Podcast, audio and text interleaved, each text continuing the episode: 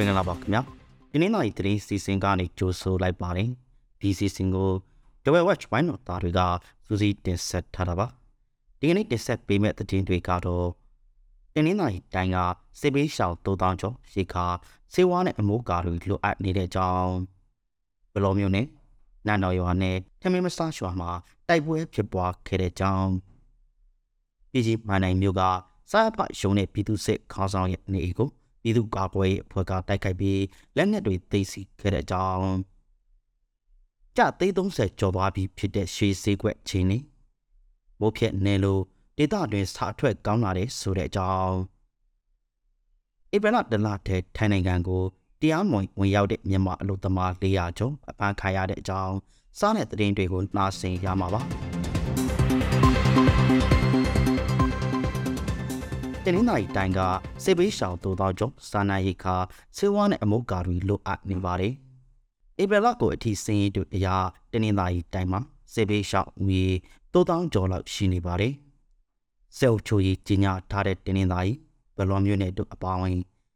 ဒိုဝဲနဲ့လောင်းမမျိုးနယ်တို့မှာစေဘေးရှောင်ပြီးရှိနေကြတာပါ။သူတို့တွေတွေ့စာနာရိခါဆေးဝါးနဲ့အမုတ်ကာတွေလိုအပ်နေကြပါတယ်။စက်ကောင်စီက ရစ်ခါနဲ့ဆေးဝါးသိမ်းခွင့်တွေကတ်သက်ထားတာတွေလည်းရှိနေပါတယ်။ပလော်မျိုးနဲ့နတ်တော်ရွာနဲ့ထမင်းမဆားရွာမှာတိုက်ပွဲဖြစ်ပွားခဲ့ပါတယ်။မေလ၄ရက်မနေ့ပိုင်းမှာနန်းတော်ရွာမှာပြစ်ခတ်တမ်းတွေထွက်ပေါ်ခဲ့ပြီးစက်ကောင်စီတပ်ကအနီးနားကရွာတွေကိုလက်နက်ကြီးနဲ့ပစ်ခတ်ခဲ့တယ်လို့ဆိုပါတယ်။အလားတူပဲမေလ3ရက်ကလည်းဘလော်မျိုးနဲ့ထမင်းမဆားကြီးရွာအနီးကစက်ကောင်စီစစ်စေးခေကို ပြည်သူ့ကာကွယ်ရေးပူးပေါင်းအဖွဲ့တွေကဒရုန်းနဲ့ဗုတ်ချလက်ခိုက်ခဲ့ပါတယ်။နှစ်ဖက်ပြင်းထန်ပစ်ခတ်ခတ်ချပြီးပြည်သူ့ကာကွယ်ရေးဖွဲ့ရဲ့ဒရုန်းကြီးပျက်စီးခဲ့တယ်လို့ဆိုပါတယ်။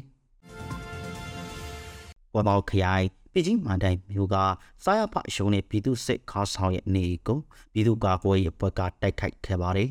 ။အဲ့ဒီနေရာတစ်ခုကိုကော့တောင်းခရိုင်ပြည်သူ့ကာကွယ်ရေးအမှတ်၁တိုင်းရင်ကမေလ၂ရက်မှာတိုက်ခိုက်ခဲ့တာပါ။ ရက်ကွက်အုပ်ချုပ်ရေးမှူးလည်းဖြစ်ပြည်သူစိတ်ခါဆောင်ဦးဝင်းထေးဆိုသူကတော့ထွက်ပြေးလွတ်မြောက်သွားပြီးသူ့အိကတနတ်နှစ်လက်ကြီးစံတွေနဲ့လက်ကင်ဖို့စတာတွေကိုသိသိရမိခဲ့တယ်လို့ဆိုပါတယ်။နှစ်ပတ်ပြန်လာပြစ်ခတ်မှုမှာစက်ကောင်စီတည်င်းခွေးလို့ဆိုတဲ့အမျိုးသားတူသိဆိုးခဲ့တယ်လို့လည်းဆိုပါတယ်။တဝဲစိတ်ကွက်တဲ့အခောက်ရွှေကြသိသုံးဆယ်ကျော်သွားပါပြီ။အာနာမသိခင်က တကြတာကြ73သိန်းလောက်သာရှိတဲ့အခောက်ရွှေစီဟာအခုဆိုရင်ကြသိန်း30ကျော်အထိမြင့်တက်သွားပါပြီ။ဒီဘလပထမပတ်ကတဲ့ကရွှေစည်းကြသိန်း30နာကနေခဲ့တာပါ။ဒီကနေ့မှာတော့ရုတ်တရက်ရွှေစည်းမြင့်တက်သွားပြီးတဝဲစည်းကွက်ထင်မှာတော့တကြတာကြသိန်း30အားထောက်ကြငွေချင်းနဲ့အယောင်းဝယ်ဖြစ်နေကြပါတယ်။မိုးဖြတ်နယ်လို့ဒေတာတွင်စားထွက်ကောင်းလာတယ်လို့တောင်သူတွေကပြောဆိုကြပါတယ်။ မိုးရွာသွန်းမှုတွေကြောင့်2021ခုနှစ်မှာနေလန်စာပိတ်တာချီ9သိန်းလောက်နဲ့2022ခုနှစ်မှာ73သိန်းပိတ်တာလောက်ထွက်ရှိခဲ့တယ်လို့တဝယ်မျိုးကစားချက်တောင်းသူတအူးကရှင်းပြပါတယ်။ဒီနေ့မှာတော့အဖြစ်အမိုးမရှိတာကြောင့်စာပိတ်တာချီသိန်း20လောက်အထိထုတ်လုပ်နိုင်ခဲ့တယ်လို့လည်းသူကဆက်ပြောပါတယ်။တဝယ်ခိုင်က